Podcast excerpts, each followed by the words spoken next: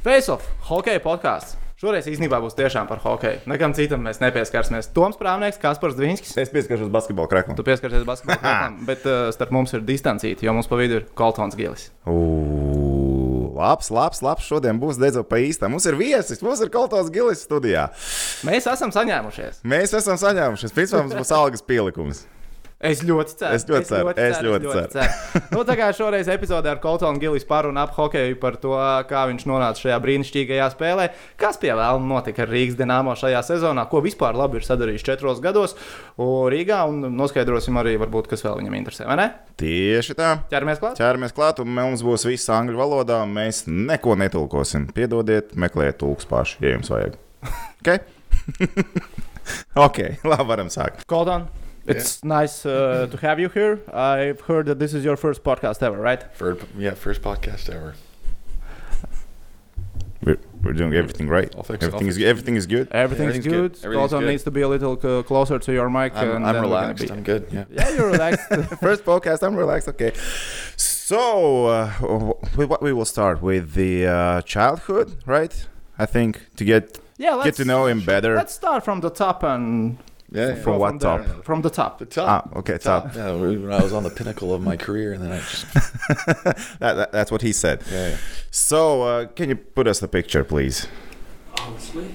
Yeah. Now, there's one great picture that I found in the internet. Not oh, every course. kid in Canada wants to play go. hockey. Is it? Is it true? Because I, what I feel is like everyone in Canada plays hockey. I, I, like 90% of the kids are playing hockey, and you're one of them. And we know uh, that you have uh, Uncle Clark Gillies, who is yeah. a Hall of Famer and all this stuff. So you had some other options, or it was the only one? Honestly, when I was growing up, like that was the I feel like the only option. Like you just played hockey. Like everyone just played hockey.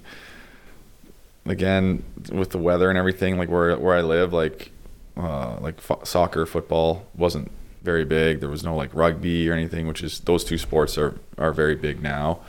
Um, like where I'm from, um, but yeah, growing up, hockey was was the thing to do.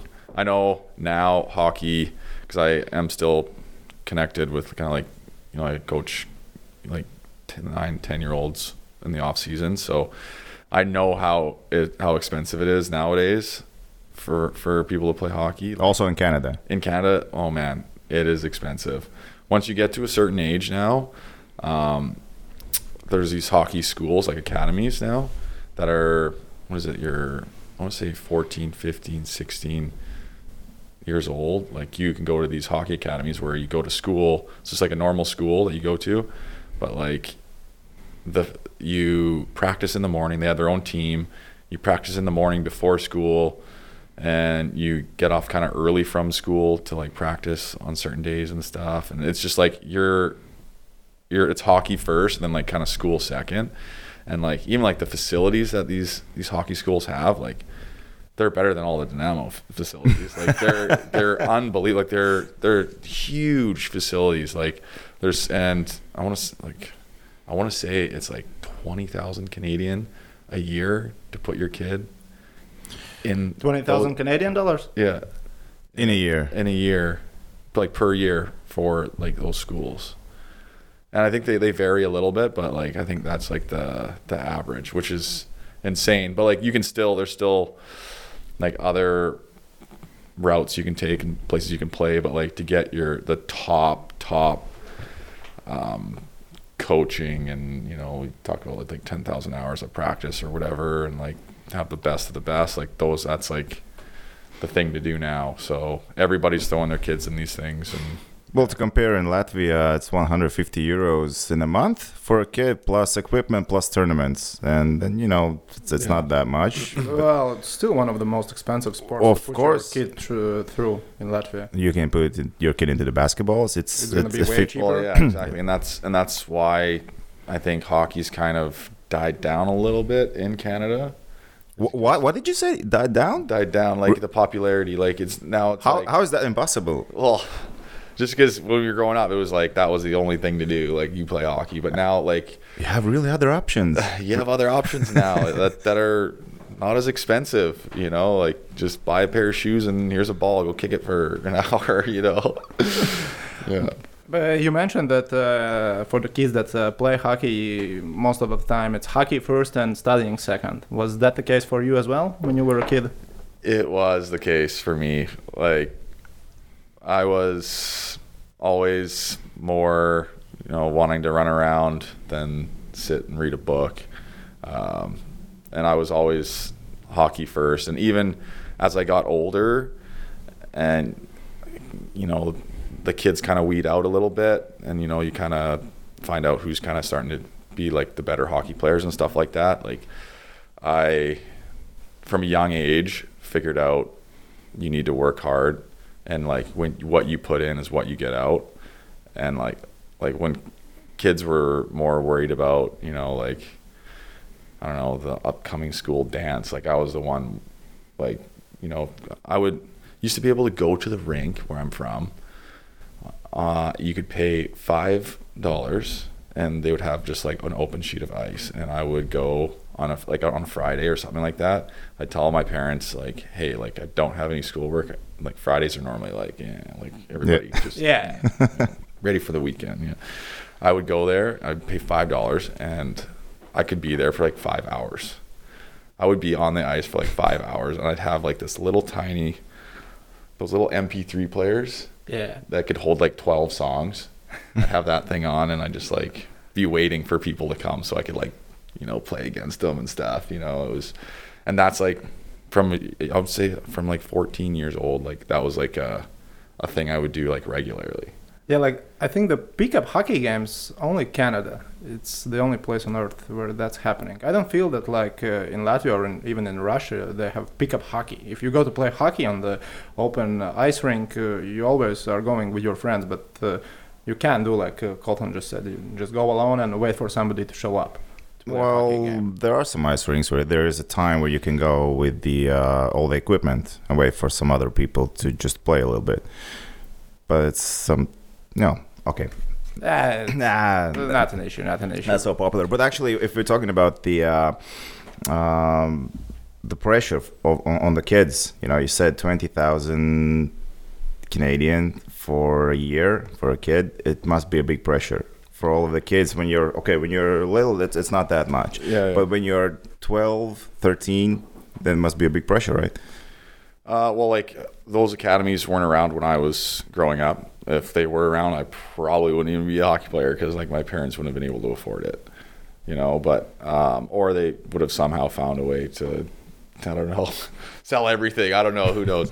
But um, uh, I, from young age, I did have a lot of pressure, like especially like in Canada, you know, you have these like the WHL draft. That's a it's a you're getting you got scouts and people coming in that you're, and you're like 13 you're and like or 13 14. 14 years Yeah. old you know and and for me like i was one of those kids where i was ranked in the top three in canada in the world at the time and like i'm like god like i don't want to let everybody down you know like what if i you know don't get drafted like especially like when you're kind of like number one and two like you're like you want to stay there you know like you're And you're still nature, super you young.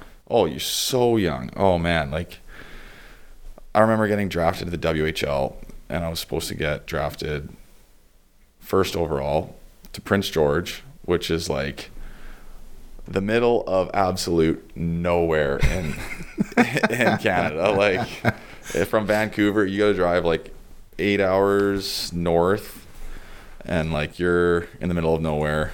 Or I could have got drafted to Saskatoon, which was the second draft, second um, guys, second pick, and my whole all my relatives are from Saskatoon area, so just so happens that the owners of both teams were brothers, and I asked, I basically just asked like if they drafted me first, or like if I went to Prince George, I would have went, but like if I could have went to Saskatoon, I could live with my grandparents, and you know be closer to family. It'd be a better fit, kind of thing. So it, I was able to go go uh, second overall, and it was d- during school. I was in math, and I had one of those little flip phones I got a call saying I got drafted to Saskatoon and It looks like Magnitogorsk, right?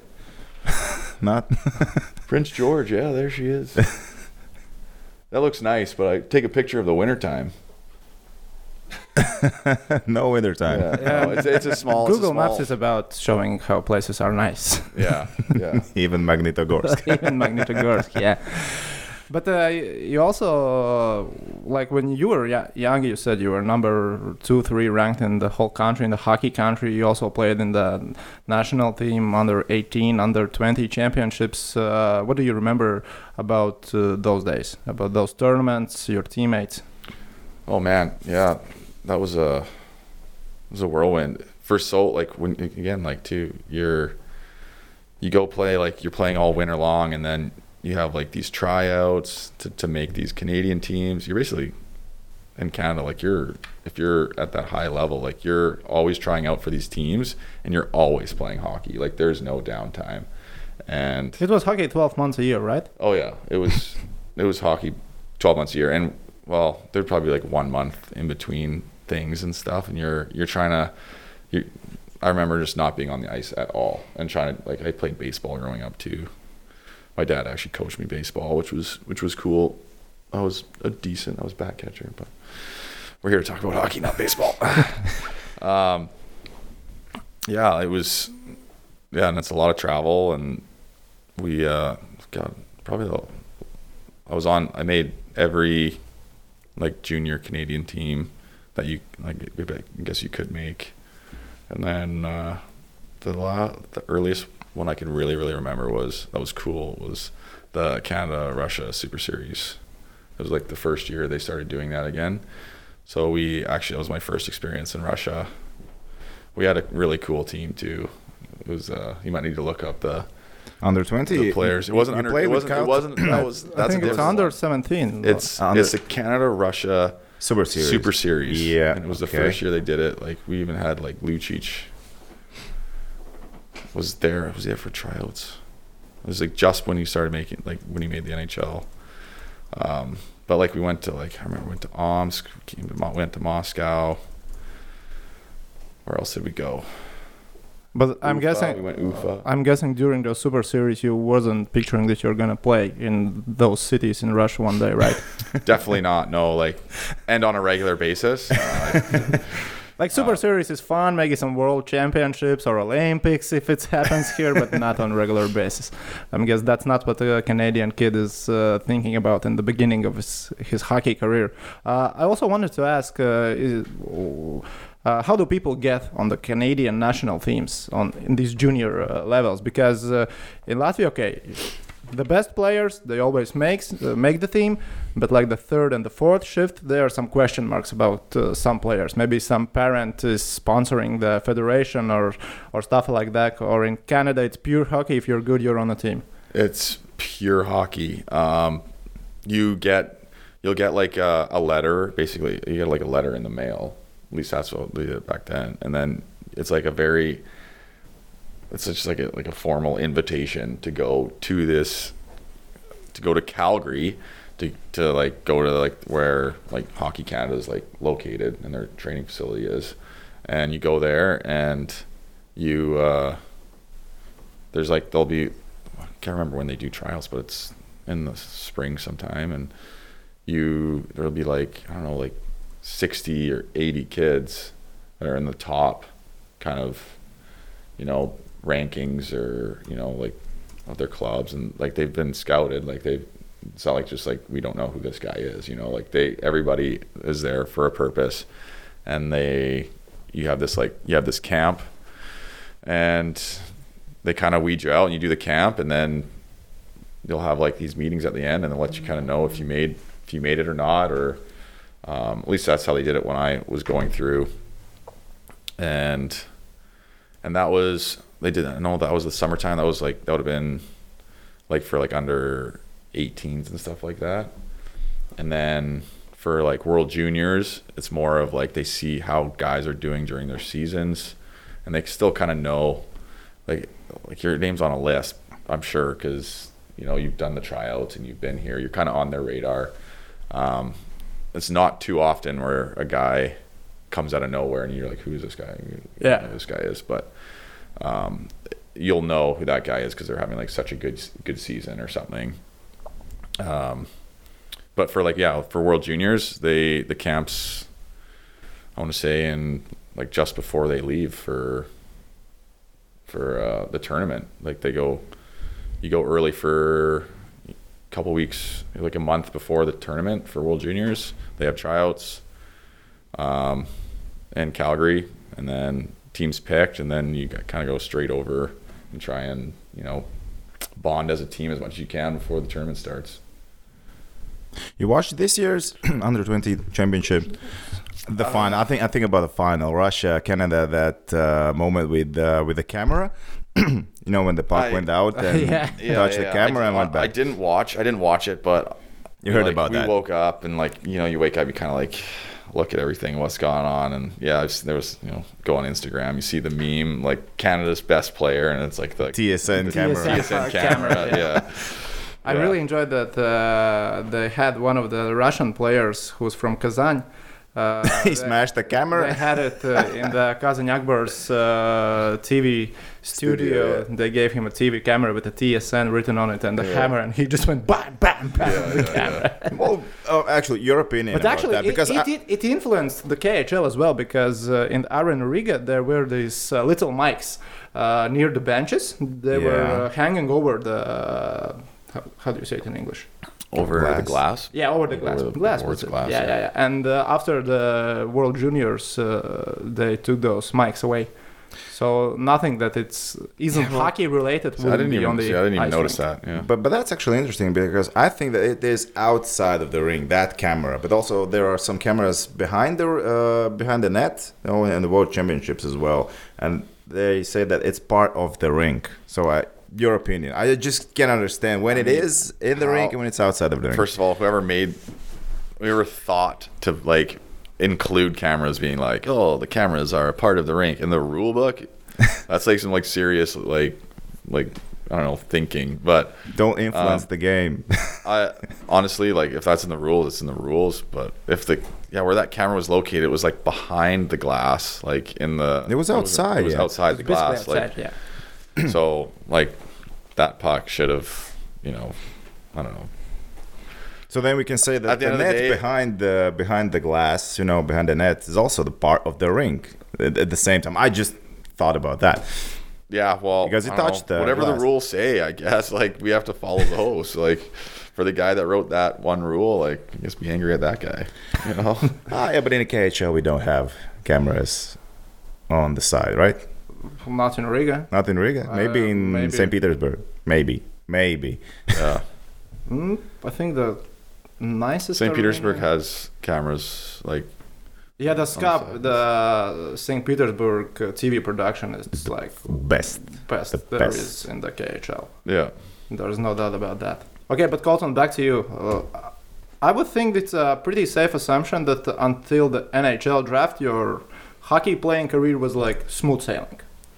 Like everything was probably going according to the plan, right?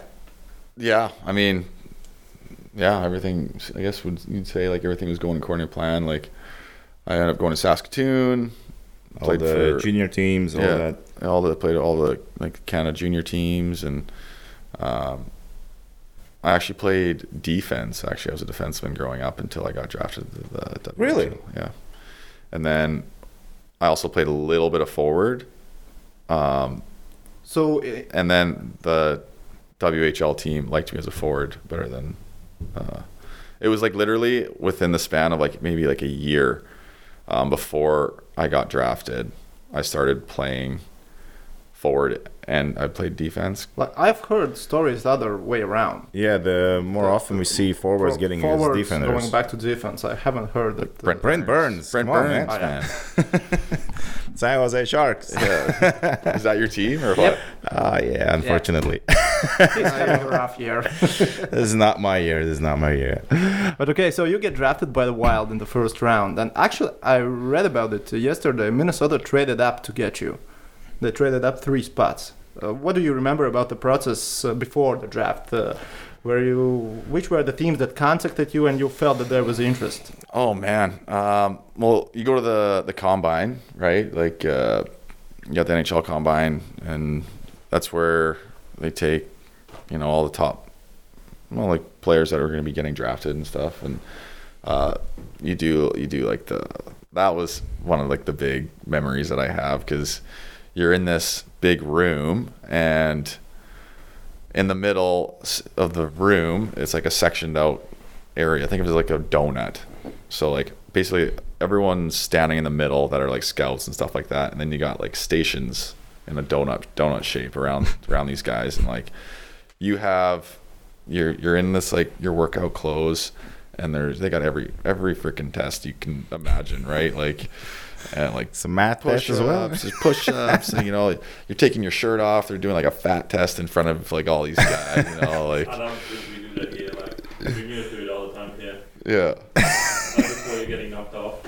yeah. You do the fat test. They do jumping. They weigh you. See how many like bench press you can do, Wingate, and then you got like the VO2, which is like the win. It's like Wingate and then VO2. So Wingate is like this bike ride where it's like this bike that you ride as fast as you can, and Yeah. depending on how much you weigh, there's like these weights that they basically drop once you're going full speed as hard as you can. They drop, and it acts as the resistance of the bike, and then it's like 30 seconds as hard as you possibly can, and they take like the reading of like I don't know how fast you're going and whatever, and that one is the one that like gets people. Like it just automatically makes you say it's like a nervous system overload.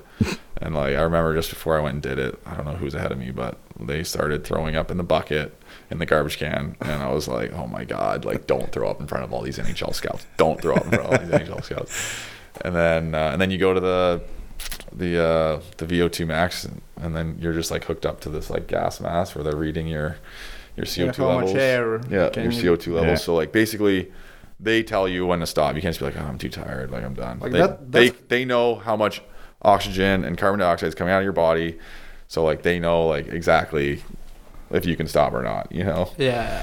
VO2 was the reason why Lance Armstrong got uh, fucked over because somebody noticed that his VO2 level is like one of the lowest be- between all the pro bike riders. And they were like, "Wh- wh- "How does How it make, make sense? How How is he guy- winning six Tour de France in a row if he has uh, no air in his body?"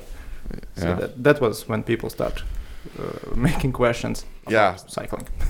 So yeah, so at, the, at this combine, and then you each team is in like a hotel or something, and each team has their own room, and you go, you get a list of each player gets a list, and it, depending on like what teams want want to talk to you, that's the list. What time you go into, you basically knock on this hotel door, go in there, and it's like the whole organization, management staff just sitting in there waiting for you, and you just go in there, and they start asking you questions, and Like those questions get weird, right? Yeah, yeah. There was one. There was one question I can remember that was they asked like if your teammate is caught out drinking, um, past curfew, what do you do, or something like that. Like Snitches get stitches. yeah, stitches get stitches. you know. Um, What was your answer? Yeah, what was your answer? I think I had a real deep answer. It was something like make sure he's okay. It was a real answer. Like you was- said all the right. you said it. I, you know what? I I think I nailed it. I, I think flying colors. I'm sure they're still talking about me in the combine. Yeah. Um, but yeah, and then that's so you kind of get an idea of how many teams are interested in you based on who wants to talk to you. Um, so there was I almost talked to every just about every team because I was kind of in the middle there. Um, and yeah, and then you go to the draft and just fingers crossed. Like I didn't really know. I had no idea going to the draft, like where you're gonna land. where I was gonna go. Like I was. But you were pretty sure that you're going first round, right? But first I was. round, I was 16 sure. I was pretty right? sure I was going first round because you do get like you know like the scouting rankings and stuff, and and uh, so you kind of know. I would have been shocked. I would have been shocked if I went anywhere like if I went in the second round, but honestly, like just getting drafted is like amazing. You you get just it just gets you that foot in that do- in the door. You know, like it's so much harder for people that don't get drafted. You you really have to have proved yourself in like other leagues. You know, to to make the NHL, like you got to climb your way up there. Yeah. Yeah, but for a young player, when you got drafted, what changes in the next day? What happens then? You Do got you drafted. have a party at the night or? Yeah, first of all, party, and then what happens? The club is going to you, take you away from your family, put into. The no, no. what happens? Honestly, I guess I'm pretty lame. I was, I uh, my brother was with me at the draft, and we just like went for dinner and Watch it- TV it- and I, don't, I don't the. even know if it Did you really. get to shake the commissioner's hand?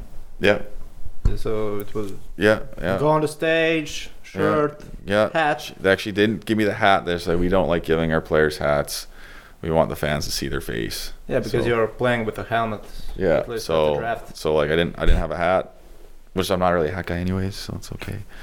And then I and then so you do that, and then you go down, you talk for you know 30 seconds to the you know commentators, or, Yeah. you know, and then uh, they take you to a different room, and there's like a photo shoot.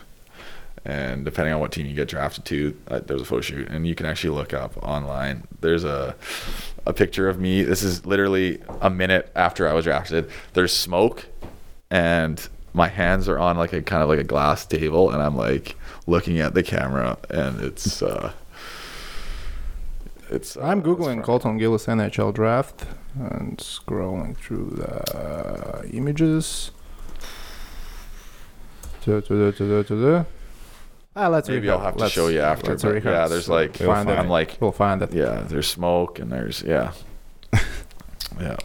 Back when I used to. Were you excited that uh, the Minnesota was the team that drafted you because you played hockey your whole career and Minnesota is like the state of the hockey in the uh, USA? Uh, you know what? I actually didn't realize how crazy, like, crazy it was in Minnesota when I got drafted. Like how much they loved hockey. Yeah, if there's one It place was- in USA that loves hockey, it's Minnesota. Oh yeah, it, they it was such a great place, such a great place to get drafted to. Um, yeah. And then yeah, it's just it's just such a whirlwind because everything just happens like right after. It's like after the draft, you like you go home for I don't know like a month maybe or a couple weeks, and it's like then you got your rookie camp during the season. So like they bring all their draft picks in and and like so like you have to be in decent shape for that too. So you, you know you go home, you gotta start you know stay in some in shape because you gotta go you know show the team that you're a good hockey player. You know so I would assume, I'm not knowing, just assuming that in the Minnesota was the place uh, in your career so far where was the biggest media attention, the biggest attention from the fans as well, right? oh yeah yeah yeah for sure they the fans yeah man you can just walk down the street and there's people in Minnesota wild stuff all the time. Oh, look. Okay, we That- the a- first one, the first There one. it is. Yeah, that's it. My nose is pretty straight here too. looking good. Yeah, that was about. You can buy it for 500 euros. Whoa. Oh, maybe I'll buy one. Put it in my room. yeah, Nice pictures, nice pictures. I remember. Yeah, and that's the. I remember going to get that suit for the draft too. I went to this like. It's my first like expensive suit ever. How much? How Before much? that, I went to Moore's. I don't know if you guys don't have that here, but it's like I don't know. It's kind of like a cost cost suit place, you know. But that was a Hugo Boss suit. Yep. I don't know how much they costed back then, but yeah, it was expensive. My mom was like, "Oh my god." It's like you better wear this for a long time. Exercise longer so you can grow into it. yeah, exactly. Yeah. So in the first year in the NHL, you played 45 games. It was 2008, 2009, and uh, you know what? What's the weirdest thing? You first you played in the NHL, but in the next season you played in the AHL whole season, Yeah. not in a single game in the in the wild. What what happened actually that back days? I'll actually go a little bit before that. Actually, um, it was like the year, the year like I played the World Juniors. Yeah, you I- played I the ended up- Houston Aeros. Yes. Yeah, I I ended up signing. That's when I ended up signing. Like after the season, and they were like, like okay, like now that you're signed, like we want you to go down to Houston. Uh, their Yeah. Amer- their American League hockey team, um, and just get some pro experience down there. You know, live on your own. Like, 'cause from this point, I've been living with my grandparents. Who my grandmother, her nickname is Sarge. She's a hard woman. Kept me straight and narrow. Um, but uh, yeah, so I was like, okay, like I wasn't even. They're like, you're not. even- You're not going to play any games. You just you know practice, see what it's like. You know, and they were getting. They were like getting ready for playoffs. Like they had a few games. They had like a. I don't know, like a couple games or maybe ten games till. till In, in 2008, you played 11 games, one plus six. yeah, and I. On the paper, it looks like a nice stretch. Yeah, it was uh, yeah, it was a good little stretch, and I got down there, and I just like had one one or two practices and meeting the guys, and they like oh, they ended up getting like in a, a line brawl or something. A bunch of guys got suspended, and and next thing you know, like I have to play the next game, and I was just like, oh dear God, you know, and just kind of just got thrown into the fire and did well. Um, yeah, and like it was ended up, you know, I was doing well, and I remember we were in. This is one of my, I would say my first initiations. I would say into the American Hockey League is we were playing eh, like the Chicago Wolves, and there was a this big, huge human being. I was starting line, and the coach told me to go out there. You're gonna line up next to this guy, Deveaux, Uh, Andre Deveaux, and you're gonna two hand him in the back of the calf. And I was like, and then I don't, I don't know if he was testing to see if I would do it, if I was like had the balls to do it. But I had John Scott right behind me on on D, and I remember lining up to this guy, and he's just like, he's a man, and I'm just like, I'm an. I'm a- You're a kid still. What was, Yeah, he- like an what, what is his name? Sorry. Andre Deveaux. Andre Deveaux. Okay. It's a French. It's like yeah, D A U X or something. Like it's like a Andre Deveaux. Um, and and he was he was like he, he was like a tough guy that could score and you know do kind of everything and. I didn't even know who the guy was at the time, but I'm like, I, this guy's got scars all over his face. He's huge. He's like twice the size of me, and I have to freaking hit this guy with my stick, skate away as fast as I can. What do you know? I did it, and he like What was uh, He- Deveaux's reaction? he swore and said, "Who the?" who the can I swear on this podcast? Yeah, you can swear. Sure. I mean, I did it on live TV. It's fine. uh, and then John Scott had already had his gloves off, like Like he's got your back. grabbed him, and you know, and then they fought, and yeah, and that was like my, that was like my whole, God, this is it. I'm, I'm in the big leagues, you know. but and then yeah, and then I ended After up. you skated from the uh, from the ice to the made the shift, it probably felt good, right? Yeah, yeah, it felt good. You know, get the, that's big adrenaline rush, not dying. So yeah, not getting your face beat in. Back back then, like I don't. Again, it's been a while since I've been in the American League, but it used to be like pretty much a fight a game, like just whatever. Like if there's a hit, some guy coming in, whatever, fight. It was just like just like the thing, you know, a lot of fighting. So those were your first uh, moments in the AHL, but uh, I wanted to know what was. Do you remember what was the plan for the Wild? Because they probably said to you, "Okay, we drafted you because etc. etc. etc. We Yeah. want you to do this, and this is what we want to do in the three, four, five years." Yeah, and, and like when I was down in the American League, like I, I I did well when I got when I was there that that that uh, that little stretch, and they ended up uh, then you know you go to tryouts and they had a plan for me. Uh, they they did the same with like Brent Burns and James Sheppard and Pierre Bouchard. They uh, they didn't think that I was gonna really get the development down in WHL. It was um, they so they they're like wanted me to stay there and I wasn't gonna play every game, but you know it's a process and just stick with it. And, and then so I ended up playing that season in the NHL. Uh, I don't know, I was on like fourth line, like with Boogaard and um, it was, again, it was living your dream, really. Whether I was ready to be there or not. Like I remember being in the, in the locker room, like I had Owen Nolan to the left of me, and I had Marian Gaborik sitting to the right of me, and that's that's where I sat in the locker room, and I was like, Dream come true. and I was like, these guys are like, first of all, oh no, he, he was like getting pretty old at the time, like, but like, an was a legend. absolute legend. San Yeah. Jose Sharks, come on, Yeah. right? Like, I think he got uh, in the mid '90s. He got traded straight up for Ozolinsh, right? Uh, yeah. It was yeah, the story. Yes. Colorado. Yeah. but like that again, like, and then Marian Gaborik at the time, this was guy was like the fastest human being I've ever seen in my life at the time. Like, I really enjoyed playing was- with Gaborik on NHL 04. I remember. he was like the most explosive skater ever. Like, I couldn't believe like from he could skate like his speed from like blue line to blue line could beat just anybody. It was crazy. And uh, but yeah, those were my guys I was sitting next to, and I'm just like, I'm just gonna sit here quietly and just like try and keep Actually- my mouth from hitting the floor. Gaborik is job. one of uh, four players who has scored five goals in the last 25 years in a, in a single game, actually. Because yesterday was Mika Zibanejad, He or five. he got five, yeah. That's crazy to get five goals in the one game. yeah. Yeah, for sure, yeah. yeah. we know what we're Yeah, talking about. must, must, must be nice. Yeah. Uh, yeah, and they had they, they had a plan for me, and So um, and then. So the plan was to just get you get- ready, yeah, slow like, you and know, steady. like the next year was going to be like a big year for me, and um, the general general manager, Doug Risebrough, ended up getting let go.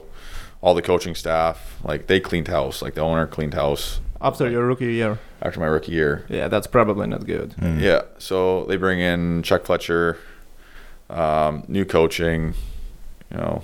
Um, so normally when that happens, like you know, the GM kind of brings in guys that he likes too, and you know, and so I was actually the last cut of training camp, and I was like, thought I was I was having like a good preseason, and and I actually already was started renting a place. I was like getting like settled in in, in Minnesota. So did you get Didn't the even- messages that you were gonna make the team? Didn't even think it was a possibility for me to get sent down. And I was like the last cut, and yeah, I got sent down, and I took it hard. That was the hardest time of my life.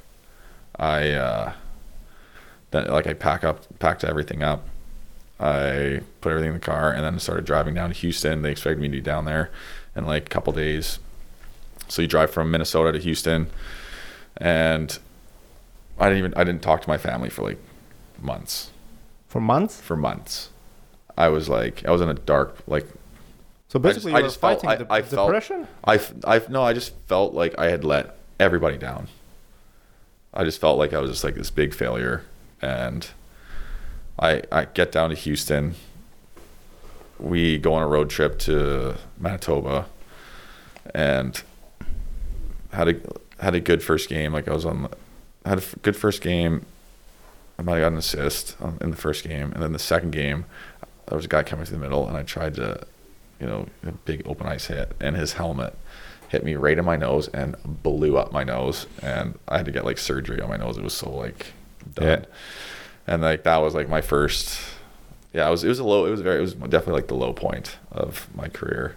Yeah, because you spent the whole season in the Houston Yeah. that that year, seventy-two games, twenty points, and I thought just okay, you've been in the Minnesota while you've been sent down, not even a single game back in the NHL. That was the weirdest thing that I thought. You know, what Honestly- happened? honestly, like again, like the, a new general, new guy comes in and he's got guys that he likes, Yeah. that he brings in, and you know, and I think that year, like Clutterbuck got called up and like made a big impact too, um, and they they just, I think honestly, I think for them it was more of just they just wanted me to keep developing too, and they didn't. They I don't know you know, give the dog a bone, you know, you know, yeah, who knows? Uh, They, I didn't get called up at all, and um, yeah, and that was that year, and then the year after, we had Mike, the coaching change in the minors. We had Mike Yeo, um, did really well with him. He was, he was, I think, the best coach I've ever had, But during that season in the AHL, did you call up the Minnesota GM and or coaches and said, "Hey, what what's happening? Why I'm not getting a chance?" Or you were just like not happy and keep it uh, keeping it quiet to yourself? I've always been kind of keep it to myself, and you know, like if they if they don't want to, like again, like I can't force anybody to call me up. You know, like I just um, there was a lot of stuff going on with the coach down there and the players too. Like um, that was just there was like a lot of drama with like the coach and the players too. There was a lot going on. I don't know. It's just I just kind of kept my head down and just grind and wait for my opportunity. And like if they if I get called up, I get called up, and if I didn't, I, I don't. But um, that's just the way it happened that year. And even even the next year, like they didn't call me up until I want to say like a couple games left in the season. Like that's when I got my next call up back to the NHL was the next season, like at the end of their season, basically before we were going into playoffs. So that's just the way it was. Yeah. Has there ever been a point in your career where you were thinking to yourself, "Damn, I'm not enjoying this. I just don't like playing hockey." Be honest. Be honest. Besides this season, Yeah, besides this season, because we're, we're gonna get to this season. Actually, I think we need Clickbait. yeah, clickbait. you did it. Uh, we'll jump to this season, but we maybe should jump some two, three seasons from this point where we were From the- talking where- to where- the where- Columbus, I think, or, or we will still talk about Minnesota. No, I've well, if there I if think we there's something special, you know, Minnesota. because we're going from season to season. Yeah, yeah. Well, uh, yeah, and then the season after, I had a, had a good season, good playoff run. Then Mike Yeo ends up getting on with uh, Minnesota. I ended up signing. Uh, my contract was my entry level contract was up, so you get an extension in Minnesota. so they ended up signing me to uh, one way for two years in Minnesota, and Mike Hill's the coach, and and uh, he he knew me really well f- from the year before, and like I was kind of like his go to like you know like you know, penalty kill guy, and like you know hard to play against, and um, and uh, yeah, and then I was up in the NHL and never was really getting that like the opportunity you know? Like even if guys got injured on third line like he called like they called up at, like every single one of the the guy like the Houston Aeros that season like every single one of them and like they would put him on like third line and I'd like still be on like fourth line or something like that just like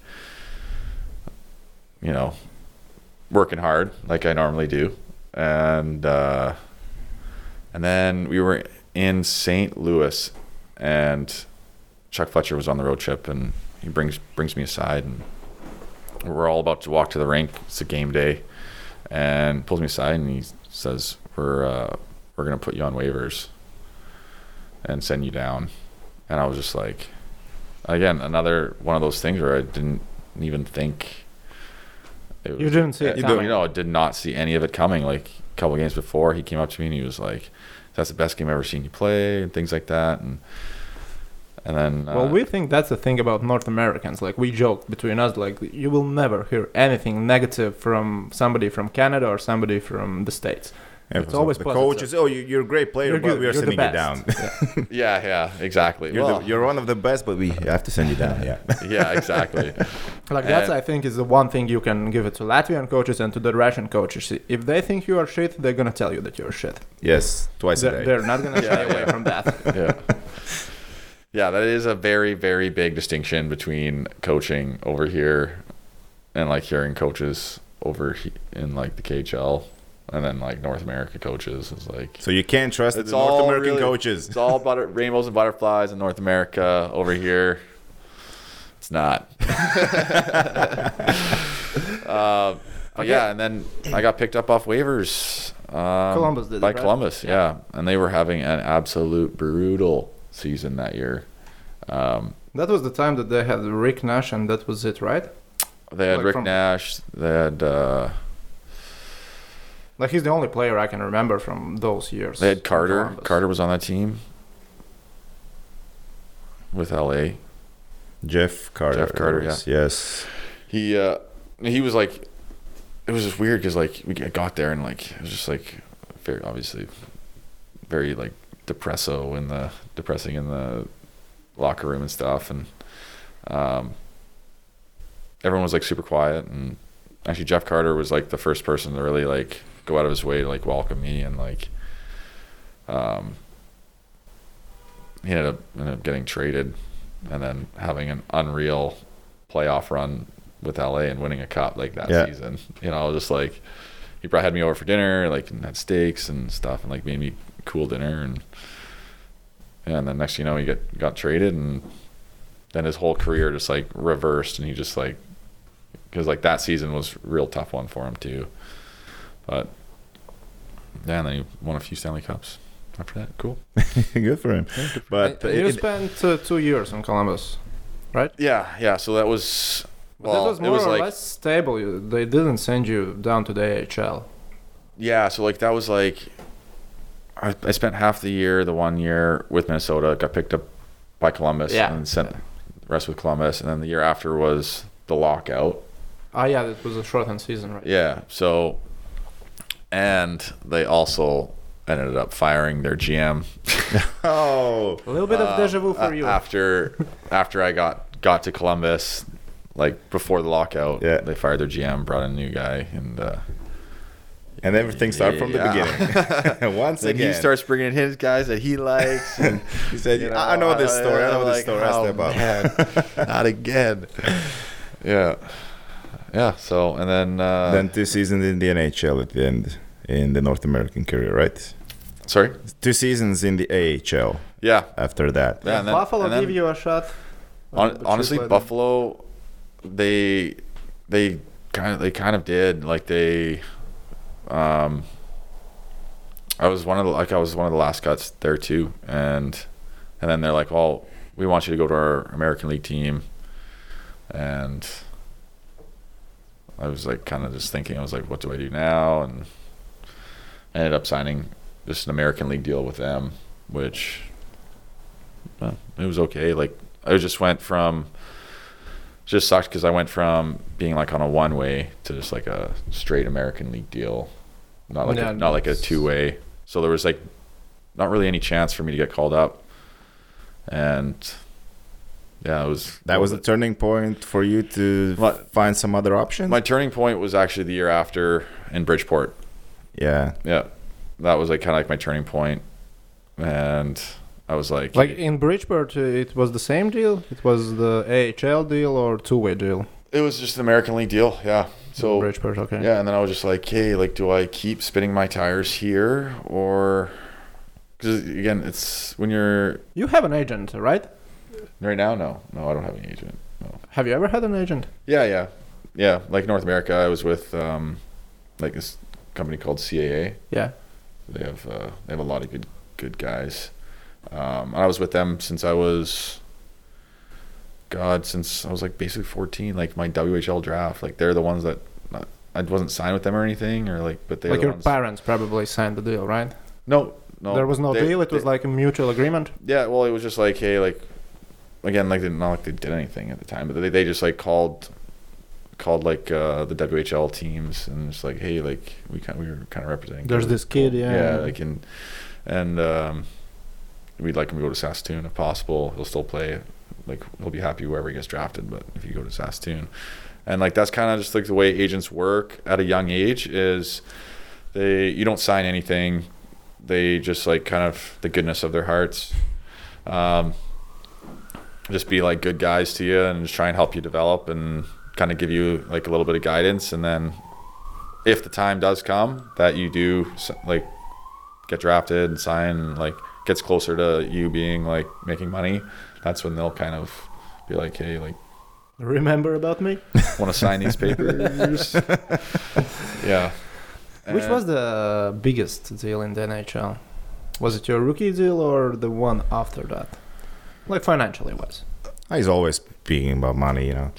Like I can probably Google that stuff up. Yeah, Like, yeah. NHL contracts are right there. Yeah, well, I on it like being on a two-year one-way was probably the best. You know, 'cause you, even if you get sent down, you you're still making NHL money. Yeah.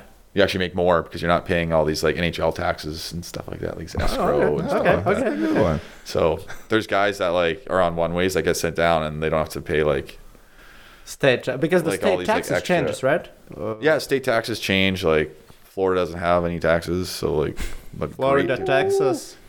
Oh, you played in Houston. There's no state tax as well.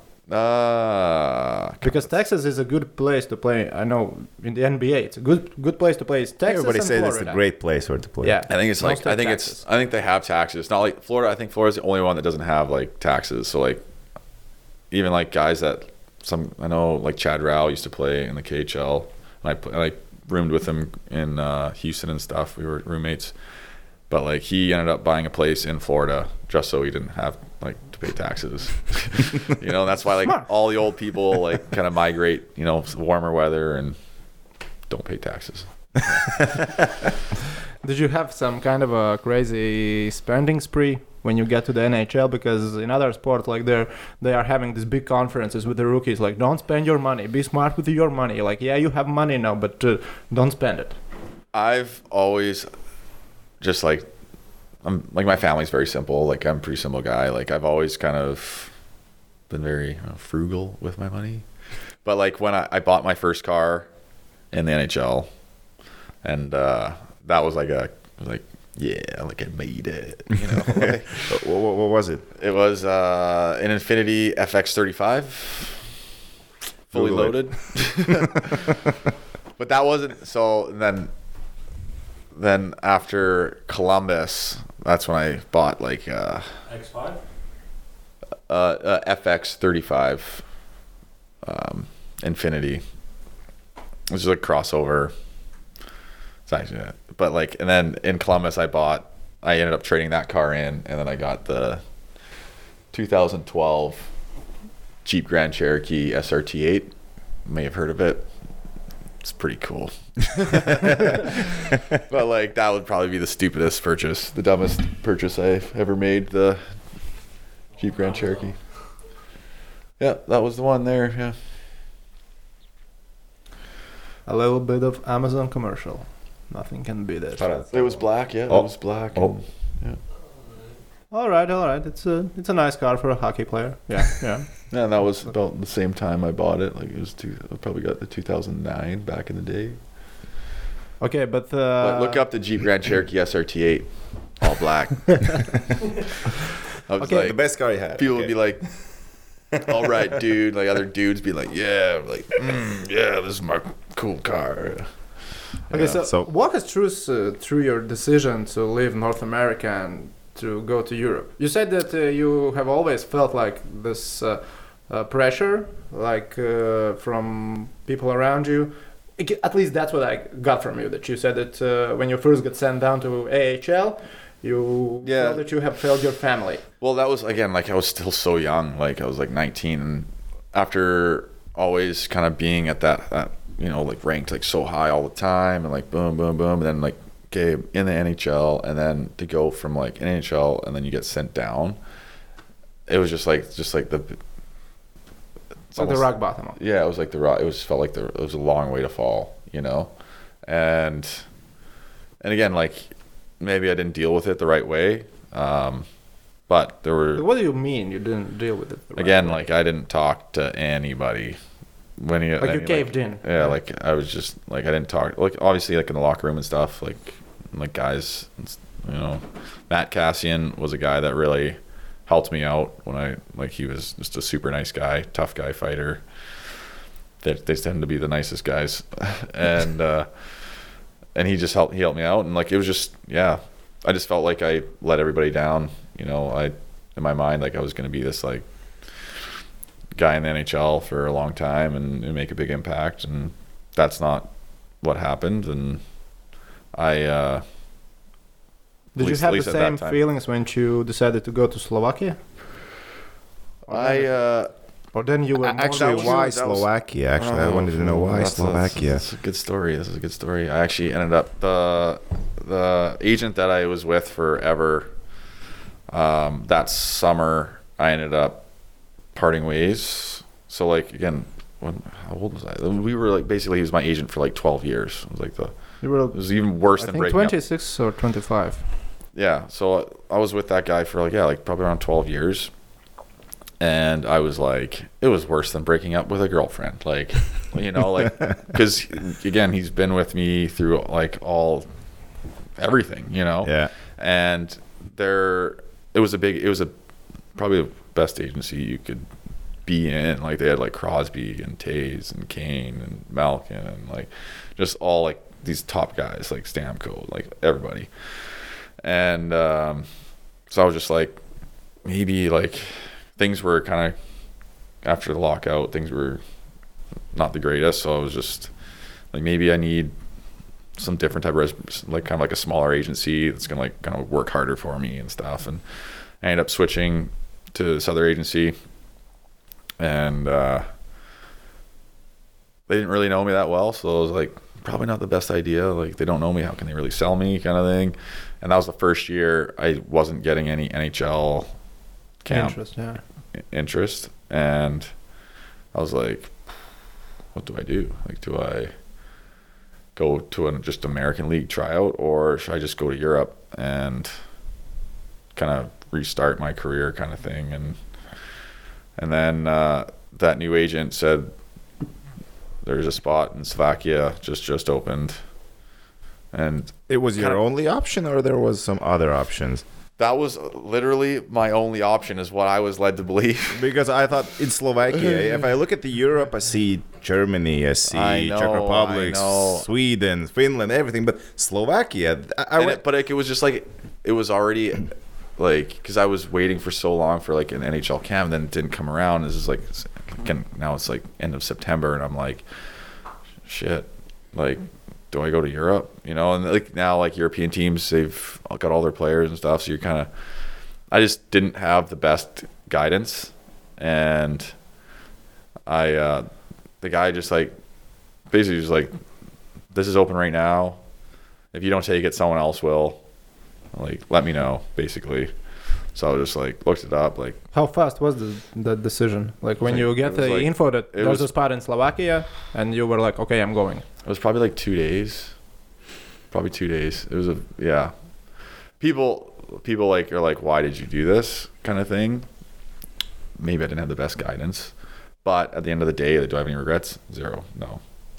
I didn't have the greatest time in Slovakia, but What was it was it was just it was just again now you're go overseas you're on your own not a lot of english not like here i know more slovak than i know latvian because i was forced to learn it you know but Slovakia is like a big countryside. Actually, I, I- I've been there last summer. It looks like there are a lot of small cities, a big countryside. You were you weren't in Bratislava, right? Like it was. No, no, Banska it was in Bystrica. Banska Bystrica. It's you even got smaller. Never heard of that place. Yeah, neither had I.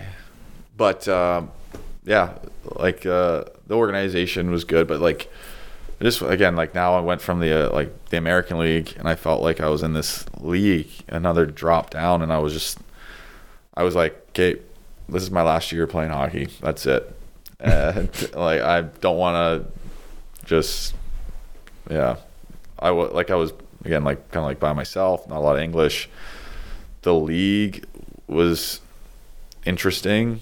like you have like your you have like these like kind of like teams with higher budgets Yeah. that like the top like five teams are like the only competitive teams and the other teams are Was your team a competitive team? we were yeah we lost in the finals that year and then the next year they ended up winning i think that was with But- Mayoni. But listen up, 28 games. Okay, six goals, five assists, but 113 penalty minutes in 28 I games. Why? struggled with that league with the i with the refs, yeah. it yeah, I really struggled with that league. That like everyone's skating around with their head down, and like guys, yeah, like It sounds like you got a lot five plus ten or something like that. yeah, yeah. I would spend a lot of time in penalty box. on, on boarding, on everything. All It the was just stuff, like, yeah, like go like.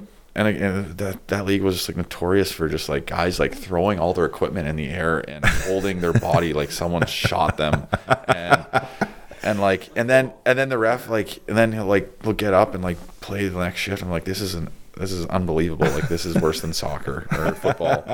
And it was yeah. I think like I think the league's actually, from what I hear, has gotten a lot better in that aspect. Like I've seen, I, I saw guys like pretend to be injured, and then a ref not call an inj- on them, and like their gears on the ice still, and then the guys skating after the ref, yelling at them down the ice, and I'm like, what is going on? Like, I was yeah, I was like, I can't even believe like, and that's when I was like, I don't know if this is what I want to do anymore. um, and then, but that's where I met uh, like George Puyas. Yeah. Yeah, you can said it right. Right. And uh, he's the one that got me here. He was just like, "Hey, like, do you want to come try out and read?" Like, when I was in in Slovakia, and he was like came there for the last like couple months or two months or something. He like he just like took me aside and he was like, "Man, like, what are you doing here?" like, like, he's like, he's like, he- that's when he like was like, "You're." You should not be in the league. You should be in a different league than this one. Like, and he he was just he was really really kind to me, really nice. He was just like, you should be like in Germany or like a better league because you're a way better player than this league. And then it turns out he messaged me in the summer after that season, and he was like, hey, like, do you want to come try out in Riga? And like, meanwhile, for me, like, I was like, am I gonna retire and just like, you know, move on to something else? and I was kind of just like in the air. And then he brought me here, and I was like, if I don't make this team, I'm done. uh, it's over. It's all over for me. And, And you'll uh, become a firefighter, right? yeah, that's That well, was the no, real story, right? No, this is this like I, the year I injured my shoulder, I started doing my firefighter schooling. Okay. So because I was, it was a six month rehab. Like they really did a good. Like I don't know, you guys seen my shoulder? Like you can like Oh, okay. Okay. There are some Yeah, scarves. There's a there's a couple scars A there, few but, of them. but yeah. So I'm actually like a registered firefighter. Like I have all the requirements to put my resume in here, try and get hired here if I wanted to. Um, I don't have all my requirements that I need for like back home yet, but I'm got to do my first responder medical kind of thing coming up here on the 23rd of March. I just registered for that, so yeah, we'll see. It's a very it's a very It sounds desirable like you job. have the, the same thoughts that you were saying you had uh, after a season in Slovakia. Uh, it was a tough season. It was a tough season. Uh, honestly, hockey's been really good to me, and it's it. I mean, it was a tough season, stuff like that. But like more serious with my girlfriend now, and I've been playing pro for twelve years, and who knows? This could be maybe it's my time, maybe it's not. But I would like to. And again, firefighting is so hard to get into back home. Um, I'd rather be prepared and like just like be ahead of the, the game than being one of those guys that retire and just sitting there being like, shit, now I gotta try and do all my schooling and, you know, do this whole two year process or year process.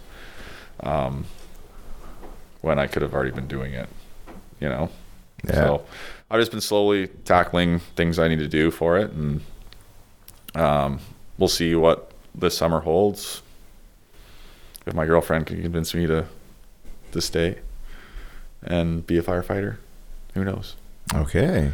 Interesting. Don't cry, guys. Don't cry. Nah, it's, not a sad, it's not a sad story. It's, it's uh, Okay, but let's talk about your uh, four years so far in Riga. It's been four years, right? yeah. Yeah. it's been four So uh, you got here on a tryout. So it's not uh, you flew down there. Armand waited you in the airport, like gave you the contract. Okay, here's the contract, signed it. You had to go to practices and prove yourself to the coaches, right? Yep. Yeah, I uh I landed I, I want to say I want to say like Riga wasn't sure if they were going to have a team that year. Uh, it's was like- uh, Yeah, it's, it's an ongoing story, story, from year for to six year. years at But, least. like, yeah. I remember getting so I landed, Armin's picked me up. It was like at night and drove me to Valmiera and There was a training camp. and yeah. that's where training camp there was everyone was they everyone had just got there like earlier that day or something and got to Valmiera late at night. I'm like, like hadn't eaten anything yet. Just like took a s- super long flight, and there was no food. And like, one there was like a trainer there, and he like couldn't speak English, and he ended up like basically giving me two hot dogs to eat for dinner. And I was like, what am I getting into right now? And and uh, so I had ate these hot dogs, went to bed, had to be up in a few like a few hours. I want to say I only got like four hours of sleep that night because we got in so late. And seven o'clock rolls around. We're like running for a warm up for breakfast, which I was like, this is not like in North America. Yeah. So North America, what people need to realize is there's a lot more rules with their players now because of the player union and stuff like that and what's been negotiated in contracts. You are only allowed to be at the rink for three hours a day in North America. It doesn't matter in which league, right? It doesn't. Uh, it does I, I'm not sure about the American League, but it could be the same with the American League actually. But and for sure NHL, you can only be at the rink for three hours. That does not give the coaches a lot of time to to to torture you. You know. Here, there are no such rules. you can do whatever you want to your players. You know, whatever you see fit. Like, um, so yeah. So there's no wake up in the morning, go for a run, do jumping jacks, push-ups, and crunches, and you know everything before breakfast. You know, like, and then go back to the rink, and you have two practices and two workouts, and there's none like of that. hell. There's none of that. You know, like so, like that's like I think that, that they're doing the same with the kids actually. When you have the camps in the summer about the morning routine, you wake Yeah. up, you go running, you have a practice at first, and only then you have breakfast. Yeah, You have to earn your breakfast. Yeah, right. yeah. You gotta. when you we gotta were kids, it, it was breakfast. it was normal. Around the stadium like two laps. Well, yeah. Well, yeah. When you're kids, it's normal. Yeah. I guess. How, how old are you now? Uh, It's been a long time, no, since you were Yeah, a kid. yeah. yeah.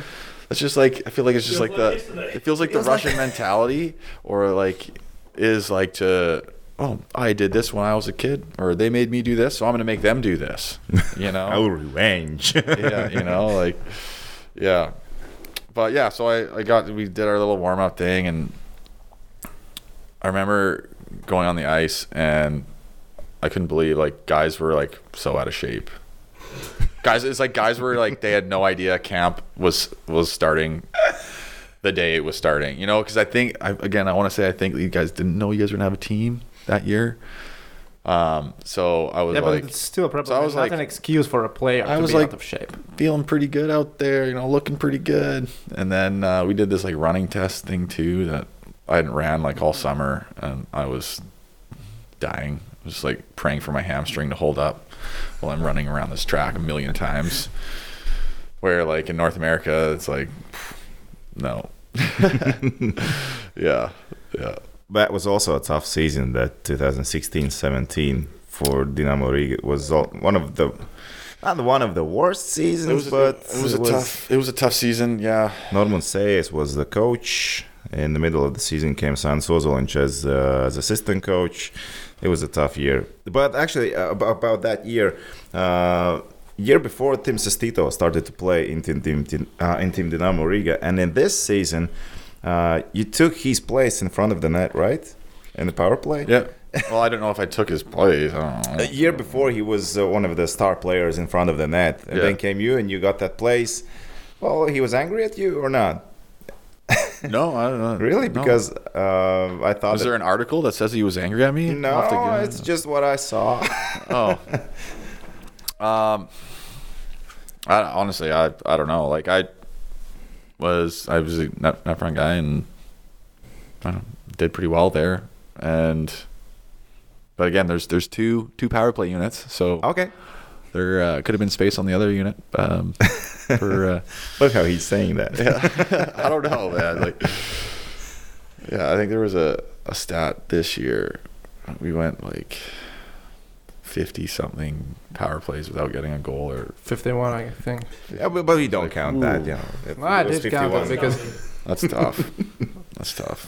But I was losing money on that as well. because during the games I I'm having the bets on your power plays with the studio Are guys. you- I'm I was gonna say, are you allowed to do that? Oh, I'm not betting on Yeah, yeah. the sites. It's like a handshake yeah. deal. I Yeah, put yeah. one in a uh, euro that you will score score a goal on power play, and if you score a goal, I get five euros. So there wasn't a lot of five euro paydays for me this season. Yeah, should have had a bigger payout. yeah. yeah, probably. But I had a faith. I had a faith. Uh, but uh, I believe like one more big turning point uh, in your time in Riga definitely was the shoulder, the shoulder injury. Honestly, yeah, that was. I was like in really good shape. Came to camp. Um, had a great camp, and Ozil Ozil was uh, coaching too, and uh, I was like, this is the perfect time for him to start coaching because we can't get any worse than we did last year, and and then like again, we always was was our first game or our second game? Was there, we were in Novosibirsk, and there was it's our second game of the season, and A lot of injuries came in that game, right? it was uh, Gagliardi um, hurt his back, and then with like 20 seconds left in the game, I got hit on the boards, and my shoulder was just in like the most pain ever, and I was like, "What is going on?" with I like finished the shift like in front of the net, just like trying to with one hand, and I was in so Oh, much have a- pain. Oh yeah, there we go. I was in so much pain, and then I ended up flying back to Riga. Uh, the doctors took a look at my shoulder, and they're like, uh, "It's a there's a ligament. It's called the coracoacromial ligament. It's where your shoulder connects to your rest of your body, and they're like, there's like a 50-50 chance that it's gonna reattach itself, or like Okay. that it's like the one part is gonna reattach itself, and so they gave me like four weeks rehab, and we had lost every single game. It was a really dark place. Like I was just rehabbing, and our team was just losing a ton, and 14 games in a row. and I was like started to get back on the ice and like I'd, we'd have like some drills in practice and I'd like get like I don't know like battle drills and stuff and get hit and like I'd just be in so much pain and I'd be like whoa like so I like talked to the, to, to our one doctor and I was like are like is my shoulder okay? Like if it's a pain thing I can deal with that. But like if it's like there's something actually wrong like like we need to figure this out. Like and my strength was getting better in it and stuff and things were getting better. But uh and then they're like okay your four weeks is up. Time to start playing again. And i remember my first game i just like tried to stay away from everybody. Like and do my job at the same time you know and, and then it was like the next game after i want to say uh, the team canada scouts were watching because that was the year um, The Olympic uh, year, the right? Year, and I was so pumped too because I filled out all my paperwork to you know go to tryouts and you know like this is gonna be a great year, you know, and um, I was racing for a puck and a guy literally just rubbed me out and my shoulder didn't even hurt as much as it had been hurting, but that just meant that everything snapped Oh, okay. and I feel like I felt like a pop or like a it's a weird little feeling sound thing, but yeah, and then it was a six month rehab for that. And uh, yeah, Tough that was, a, that, was a, times. that was a fun year, yeah. But that's when I started doing my firefighting too, like my online course. I was just like sitting there trying to do do stuff, yeah. Learning on all the theory and stuff. learning all the theory and then in the in the summer i went to toronto where you do all the practical stuff and Yeah, uh, I think I heard that you said that you could be a firefighter here. Don't do that. They are not getting paid anything. yeah, if yeah when you when you when you start your firefighting career, do it do it back home. yeah yeah It's gonna be better for you. Well i was it would have been cool to like just like go to a fire hall and like here maybe do like a publicity thing this season but it's always kind of tough to we're always so busy and But you can play and be as a firefighter and play in Latvian national championship. yeah. no, it, it, it, it, it didn't look like it, he thought about Not that. an option for you? Yeah. Uh, I should probably get my passport. Uh, I've been here four years now. Actually, there, there is some money in national Latvian national championship this year. Some money. Some money. Some money. There is some money Somewhere. somewhere. But there's also in Canada some kind of a firefighter league or something like that, right? Ice Um, hockey league. Yeah, there's like uh, pretty. Yeah, there's uh, there's there's a league. Um, again, a lot of firefighters, like a lot of hockey players or guys that play sports, um, kind of become firefighters because you're already you know used to working together as a team. and in good shape, you're- teamwork. yeah, you're you already you know you have the discipline to you know stay in shape and you know be ready and be up to date on you know you know certain certain strategies and things like that so um, that's why if any fire uh, captains are listening out there in canada i would be a good fit Okay. Uh, I think we're finally here. for- we're here For this We're season. here for But this before, season. no, before we season. start this season, can you give us some kind of a top about the best cities in the KHL and the worst cities in the KHL? I want to know where you, well, well, if there is a chance where you can spend some time, your free time, in, in some cities and the cities where you will never come come back, like Magnitogorsk maybe or something like that. Oh, Yeah, never come back Air pollution and all that. Magnitogorsk, um, Neftekhimik So there are two. Neftekhimik. Yeah, those are like the big ones for me. Magnitogorsk, Neftekhimik.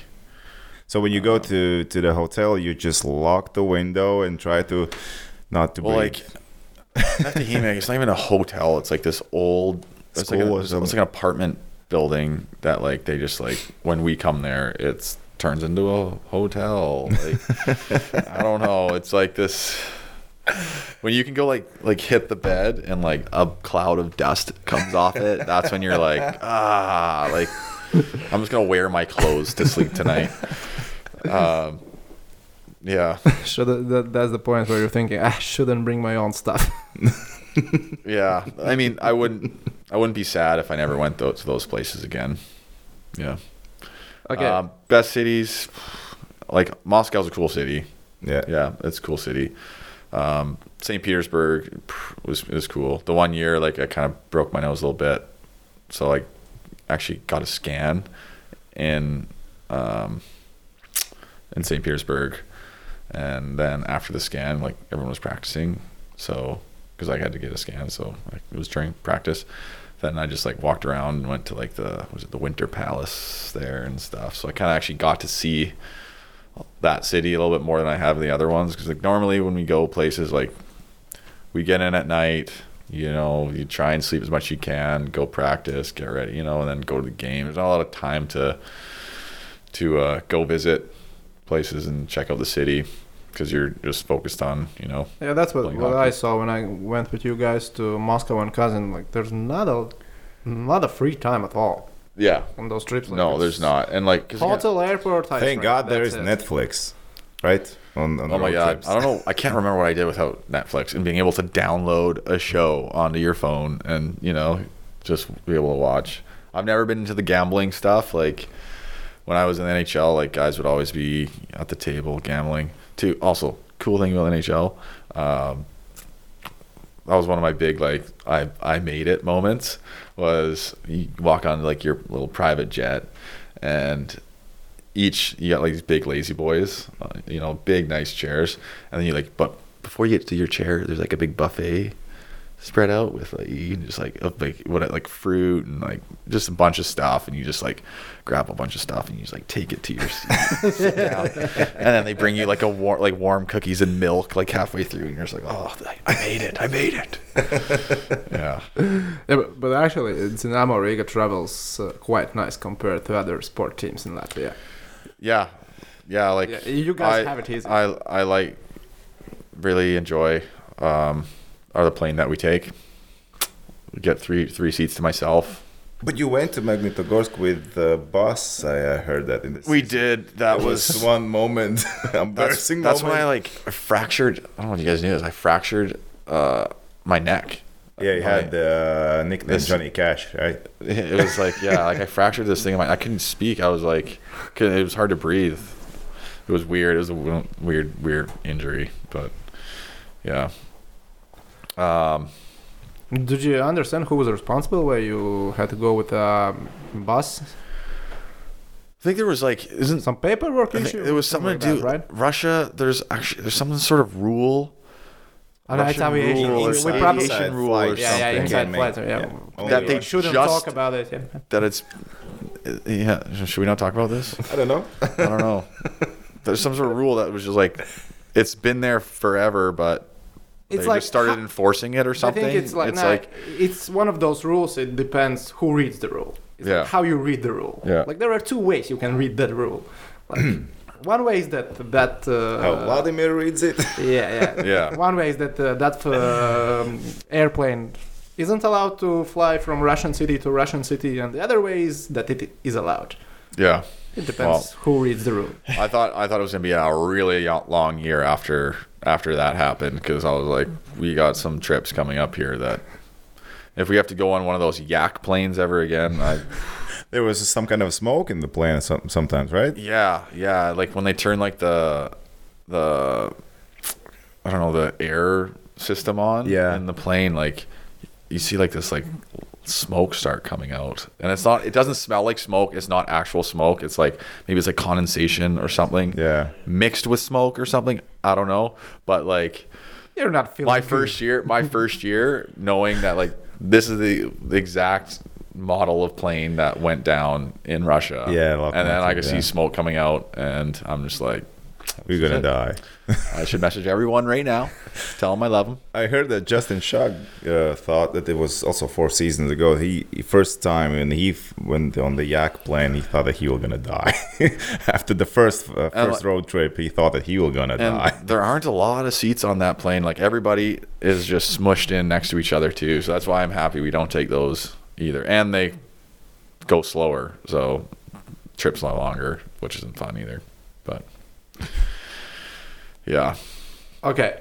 This Last season. one before this season. Like hypothetical question: If uh, Dynamo offers you the same deal you have this year, do you sign the papers? Like exactly the same deal. exactly same deal. You know what? Yeah, I do. I do because Poor guy. I do because You love this. I I no I lo- obviously love the city and I I do obviously it was a hard season. It was a tough season. I I'm the type type of guy and the KHL is not for everybody. It's freaking hard league. It's it's tough. A lot of travel and I am one of those people that I like the hard. Um and I just feel like the way the season went I would like to have another shot, another kick at the can. And you don't know how I know. Yeah. Okay, that would be nice. So, So- about this season, what the hell happened? The first two games were unbelievably good. The good. beginning of Well, the, the first Two wins, also really a shootout good, win. Really good. I was feeling And great. Pre- we predicted fifth place. Well, not fifth place, but we Fifth said place, yeah. Lowest, lowest, No, it, it wasn't on this show. it What? Uh, it was here. Pre, pre, yeah. Uh, the, the pre the preseason uh, show uh, with Edgar Slusinch, uh, Ah, he yeah. said that the Dynamo Riga will end this season in the fifth place. And I said, okay, if you say that, it looks. It I looks said maybe not way. fifth place, but definitely At least in the top eight Yeah, yeah, in the playoffs. Last season was great, and the feeling was that uh, you guys get stronger in the off season. because everything went well. You know, the same coach, then all, all the stuff Yeah. together, everything was working, and you A know, lot of just need to positivity go. around the team. Last season, one point behind the playoff spot, and then this happens. Oof, God. I mean, I feel like I've had a lot of time to talk to uh, teammates about just like the season and stuff, and and uh, again, yeah, like we had a great start. We were in really good shape at the start, and um, everybody again, like at the beginning of the season, like you have confidence to make plays and stuff like that, and through a series of events that happened, I think a lot of a lot of players' confidence and a lot of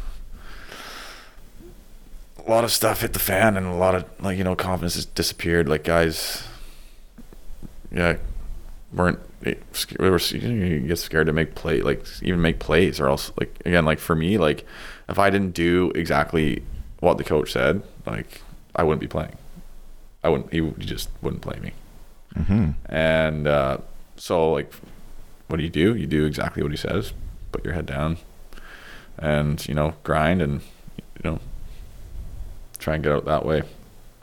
Um, yeah, it's unfortunate the way the season went, but that's it's life. That's life, and it's funny. Well, it's not funny, but you almost like forget about like the summer. Then I was like, summer starts, you forget about like the season and how like you know you kind of just like reset. You reset. You know, you get your confidence back. You know, like like uh, and then you just like start the whole process over again and hopefully um, whoever Dynamo brings in next year um, for like coaching staff and everything they they uh, take the hopefully they don't get as much pressure I think from I think I think a big thing is pressure from the management um, on I think I think Girts had a lot of pressure from management which really trickles down to the players. Um, I guess through his actions and um, everything, and I think it's a tough way to run a team when you have so much pressure, uh, and then you got to kind of release that pressure. I don't know onto the team, and um, yeah, Yeah, because from our point of view about the dirt and pressure, it seemed like uh, when you guys started to losing w- first, uh, second, or maybe even third game, like The first road trip. yeah, the first road trip, like uh, like I think like it's hockey, it happens. You're gonna lose some games. After the first game uh, against Jokerit on a road trip, I thought this is different team. This is different team on that exact day, and I didn't understand why. Because the first two Yeah, games because and, and the Jokerit was he- absolutely different. That uh, the team started like to making some changes just to make some changes. Like uh, Girts was As seemed soon to- It, it looks like everything is on panicking. Yes. Yeah, yeah, yeah. and Yeah. it happened quite early. it happened third game, right after right after our third game. That's when it happened, and and like yeah, like even he started. I think he started sitting like even Berglund, who's done really well this season. Um, yeah, and he just he kind of started changing the, the system, game plan. Um, The, all all the just- work that you had in the preseason went in the trash bag, and Yeah. you started something different. yeah, and then we started something different, and then we just we started something different, and we didn't. Uh, I, I feel like we, yeah, it was it was, and then we were just kind of behind the eight ball a little bit once we started changing so much, and it just like there was a, it was kind of just like a, a ton of change, and um, I don't know. I just I don't like being like too negative or um, like I don't want to like say anything bad about anybody, but I think I think Girts did what he thought was best for the team, and whether it was the best or not, um, he did what he thought was best. So um, whether it was the best thing to do or not, we don't know. I think it's screwed up that uh, the GM, the head coach, is the same person. It hasn't worked ever in the history of sports. Like, I can take basketball for example. Like that's the sport. We I have follow the that in football, but uh, there's a big management behind the coach. Yeah, yeah. Because in this scenario, like in Riga, if uh, like uh, Colton said, like he thinks that uh, Girts had pressure from the management. If there's a GM, the GM gets the pressure from the management, and then he can address the coach, and coaches addresses the players. If the management goes straight to the coach, like uh, he's gonna be affected more. Yeah. At least that, I think that's Yeah, that's actually one actually thing that could happen. a good a good way to look at it. And honestly, I think Girts is a, a good GM. He act, he has created a culture, a more competitive hockey culture here. Um, um, since I've been here, that's what I've noticed from my first year to since he's come. Um, and he he does bring in we he's brought in some good players, and he is he is like connected and stays like you know connected to like agents and and stuff like that. And he's he is always trying to you know find the right fit guys and and uh, yeah, I think he's a, I think I think he'd be a good GM for in Lafayette. Um, so who knows? Yeah, going forward. That was uh, one other interesting thing that uh, Mr. Savickis said that uh, hey, our team we don't have a GM. Yeah, Like we don't need a GM. in one of the studios we spoke with the team president. He yeah. did it on the. It was probably the second best live interview after yours, where he said that right. they don't have a Still got number one. GM. yeah, you're still number one. Yeah. Like that was weird. Like I mean- sometimes the management is so weird, and it's you cannot understand what they're thinking about, what drives their motivation. But, but, but how do you think? Uh, in October, we were this close. Actually, Girts Ankipans was this close to get signed Linus Videll back in Team Dynamo Riga. Would that change the whole season? How do you think? Because he was the top guy in, in the year before. Uh, He was a great playmaker. He and Lauris Darzins can make that chemistry. Yeah. Without him, it we yeah. saw Lars this season. I mean, I mean, our power play s- struggled a lot this year. Um, Nice. So Um, and- power play s- s- and and again, like again, Linus is very good on the power play. Um, and again, you look at our a lot of our games, like they're it's not like it's hard to get upset over our games because there are they're so close. We have like there's like there will be like one goal games like all the time, and like obviously very like entertaining because there's so much pressure. I think, but um, again, you have that one person that can, you know, get an, an extra goal a game. You know, or you know that's this it changes things from us like losing by one to us winning by one or something. You know, um, so yeah, you know, Linus pr- probably would have helped us out a ton. Yeah. Um, and and like Girts already knows Linus and knows how to like, you know, manage him, and yeah, I think it would have been great. But I think I don't know how close he was to getting Linus here. I, Linus? I think Linus was. It wasn't so close as we think. I don't think it was as close as we thought because he was really looking for. He was being very picky with. Uh, and money. With yeah, very picky with the amount of money and places. If you're doing to your go. job job well, you need to get paid. No, but I, I, I saw that uh, Ankipans was going to the team president to ask for a little bit more money to get him at the October, and Mhm. I, I saw that there was some phone calls with them, but they didn't get that. And Linus was actually calling to Girts uh, at October and asking, "Do you have something for me or not?" Dude, because the he wanted money? to play in here actually. I know, I know he loves. He, home. he did like it here because it is so close to home, and Yeah. like when we would get like a break, like he'd be gone. Like I'm not gone. goes goes visit his family and stuff, which is a dream. Like I I always thought like how cool it'd be to play for your hometown. You know, you got so many like Latvian guys playing in Latvia. You know, get to go home to their families and like they got their friends and whatever. You know, I've never really had that like that opportunity to just like play at home and Oh, You're from White Rock, or is that the place of birth for that's you? That's place of birth and You're the third most popular thing. player from that place in Elite Prospects, actually. third most popular player Who is the most popular? I don't know. Um, Jason Garrison. yep Jason Garrett. You know him? Andrew Hammond the Hamburglar so he's playing the Rochester Americans. Yeah.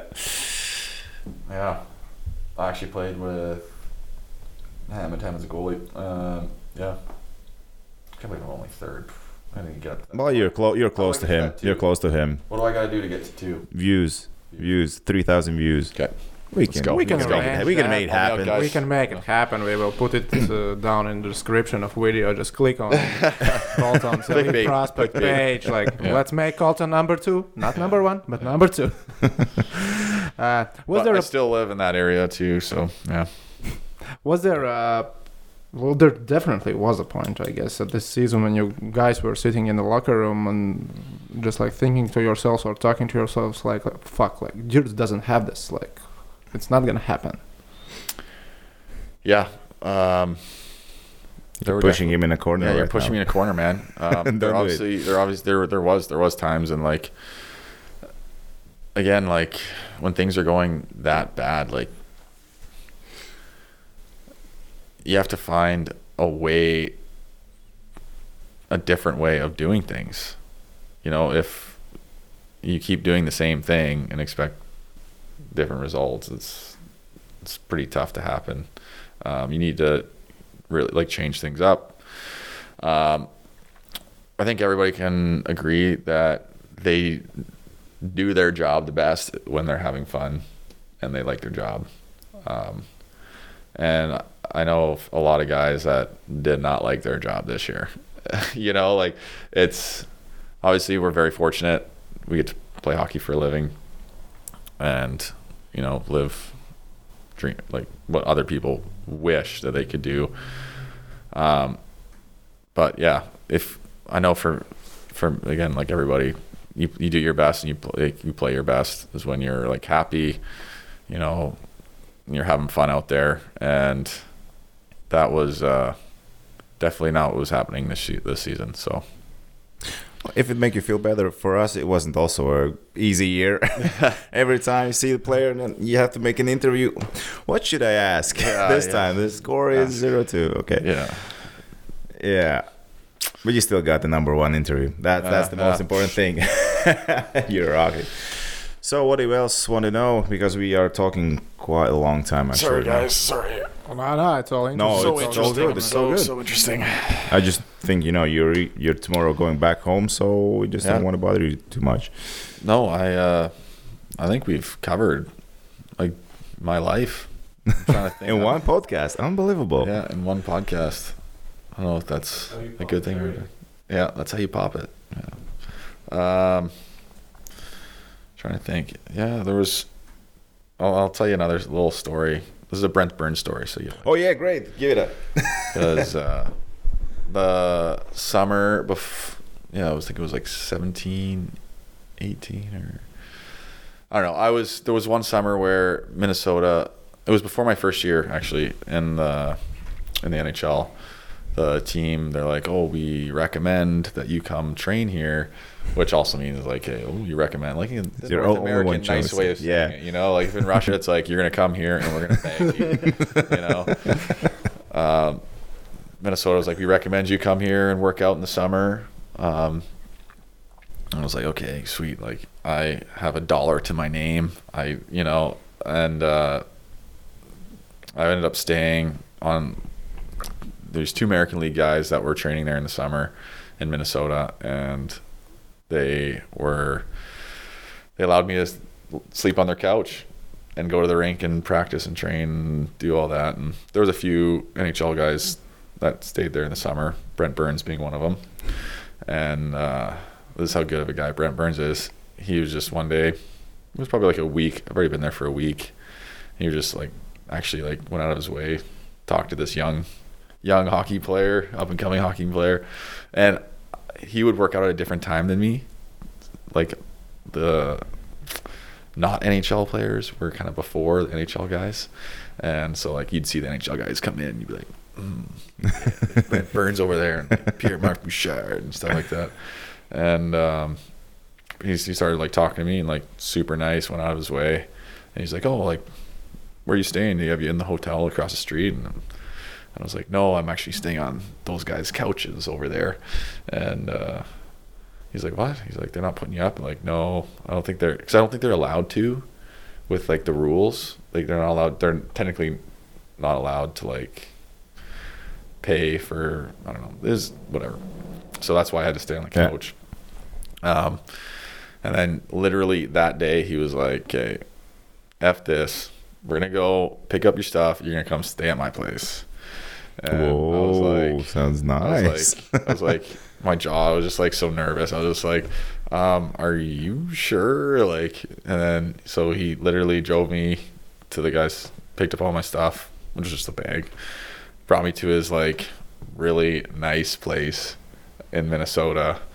That it was just him and his fiance at the time, and it was like this huge mansion, and I just like was like just it was really cool. It was a really cool experience. He just like brought me into his home and like treated me like family.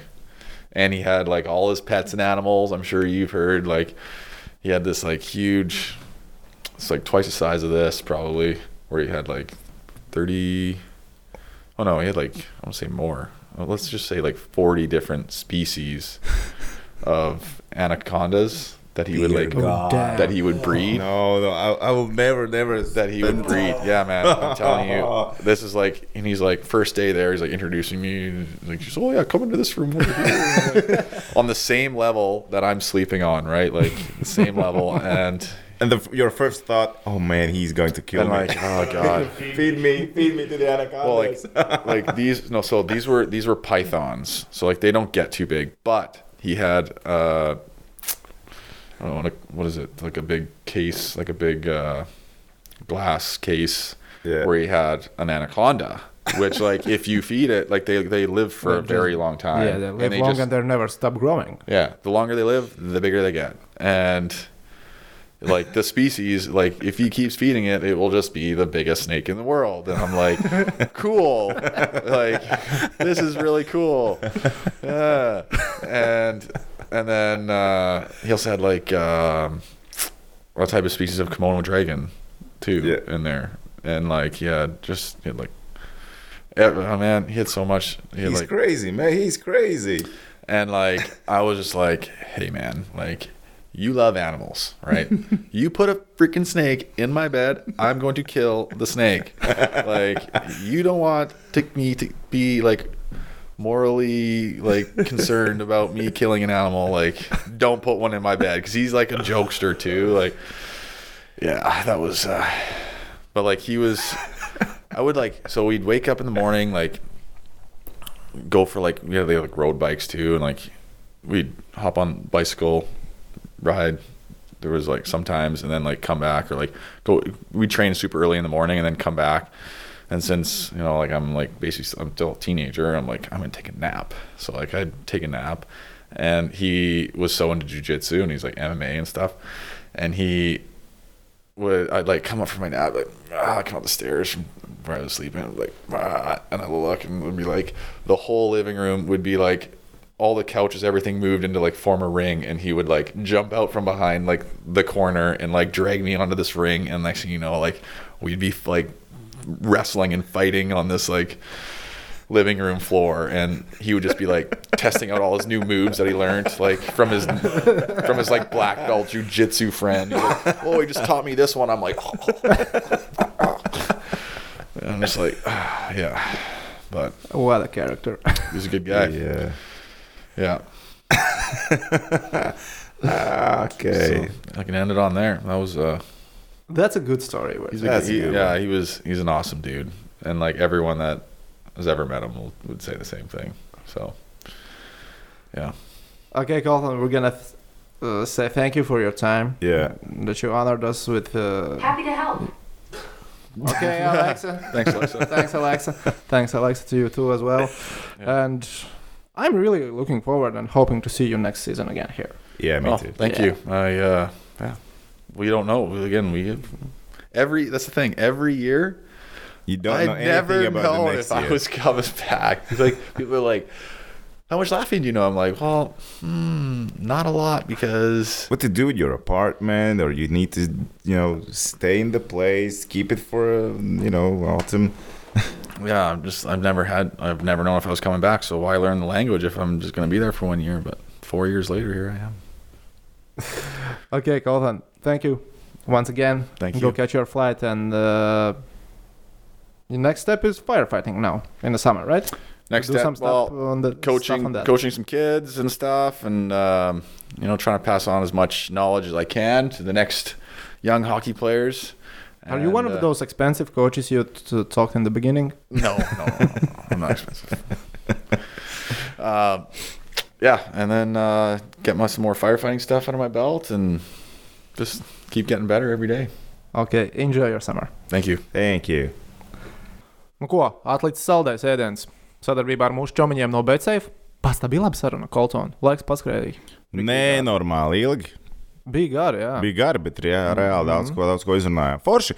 Mums ir lietas, kas mums ir jāizdara vēl. Jā, Jā, nē, jā, nē. nē, labi. Jā, nē, sādaļa. Ai, nu tā tad kā vienmēr uh, Betsafe, Face of īpašās likmītes. Notikums, Jā vai nē, mēs ar to apskatāmies un uh, pastāstām, kā mums liekas. Būs tāds ģēls vai nebūs tāds ģēls. Toms saka, kas mums šonadēļ ir. Ar vienmēr sākot, sākam mēs ar uh, kontinentālo hokeju līniju. Patiesībā mēs turpināsim arī ar kontinent- ko- kon- kontinentālo hokeju līniju. Labi, bet tāda pavisam vienkārši vismaz divas no KHL izslēgšanas spēļu pirmās kārtas sērijām. Būs tad divās, būs nepieciešama vismaz septītā spēle. Skatāmies uz rietumiem, skatāmies uz austrumiem. Rietumos ir tikai viena tāda sērija, kur kaut kas tāds varētu notikt. Patiesībā nav nereāli. Maskavas Dienāmo un Maskavas Spartaks. Austrumos um, man ir divi varianti. Baris, uh, Metālurgs un Avangards Salavat Julājov, kas tiešām arī tā varētu beigties. Tāpēc es lieku, jā, es ceru uz to, ka tā būs, bet uh, ar tādu nelielu avansu es teikšu, ka tā notiks. Jā. Es teikšu, nē. Jo man liekas, ka Maskavas sērija neaizvilks līdz septiņām spēlēm. Man tur Dienāmo izskatās krietni Viņi labāk. izskatās Viņi labāk. izskatās krietni mm. labāk. 2-1 šobrīd sērijā varēja būt 3-0. Bet tā kā viņam ir savas disciplīnas problēmas, viņi pakās spēli no 3-0. ne, zi, Done and out. 3-0 4. minūtē nu spēle nav īsti sākusies. Tajā brīdī likās, ka spēle tūlīt būs beigusies. Bet, jā, nu, nu, Jā. otrā galā no tām sērijām, ko tu teici, viņas, jā, viņas abas var aizvilkt līdz 7. spēlē mierīgi, bet man vienkārši liekas, ka nebūs. es teiktu, ka man Zini, kas būs slikti? Slikti mm. būs tas, ka es pateicu, ka Spartak ar avangardu spēlēs KHL finālā un viņam bija izlidus pirmajā kārtā. Jā, tas īstenībā izskatās avangards, izskatās diezgan uh, jocīgi. Viņam disciplīnas trūkums ir milzīgs. Barbaris Metlurgs esmu ļoti drošs, ka tas aizvoks līdz septītajai spēlē. Salavats Julājevs, tāpēc, ka viņa vadībā es lieku uz to, ka tur varētu būt tā septītā. Bet, jā, varbūtība ir diezgan maza, bet es, es esmu ticības pilns, ka šis viss notiksies. Un arī ir šobrīd tā kā bāze, lai tas varētu notikt. Tā kā es lieku, jā, tu saki, nē, braucam tālāk, kas mums ir otrs. Kāds par Daugu viņš gūs vismaz vietu nu, svārtus KHL izslēgšanas spēļu sērijā pret Maskavas Dienāmo. Divas spēles, kā saki? minimums vēl ir. Es teikšu, jā. Es arī saku, jā. Viņš Viņš sakrīt domas. spēlē gana daudz. Viņš spēlē daudz, viņam metienu pa vārtiem. Labi, tur statistikā neieskaitās tik daudz, bet viņam ir vārdu gūšanas momenti. Viņš ar Karsumu kopā izskatās labi. Labi, Karsums ir bijis tuvāk pat pie vārdu gūšanas nekā Kaspars Daugaviņš, bet Dauga viņam arī nav bijis tālu. Nu, tie, tie met kaut kā tāda epizode, kur ar gaļu viņš iestums to ripvārdos būs, ka es saku, viens goliņš viņam iekritīs. Ja būtu abiem latviešiem, nu kādam no viņiem gols, es būtu absolūti pārliecināts. Daugaviņš, man nelielu šaubu, bet būs. Jā, nu es domāju, tieši tāpatās. Nu, te mums domas sakrīt, kā ir tā ir MHL. Hokeja klubs Rīga ir tikuši izslēgšanas spēlēs. Tieši tā kā mēs teicām, jau ļoti, ļoti sen. Tur vispār bez jautājumiem. Kā viņiem iestājās izslēgšanas spēlēs, un tā mums, mūsu čomiņi no BCF piedāvā, vai HK Rīga ierīs ar 0-3 sērijā? Un tad tu kā skaties uz tabulu, un tev likās, jā, tā tam vajadzētu notikt. Un, uh, es gan ticu, ka vienu spēli mēs paņemsim no tās sērijas. Jo mums ir pastiprināts sastāvs. Nu, būtībā mēs esam tādā optimālākā sastāvā uz uh, playoff. Vai mēs uzvarēsim sēriju? Nē. Es ceru, ka viņi man patīk. Spēle. Bet vienu spēli mēs varam paņemt, un to mēs izdarīsim mājās.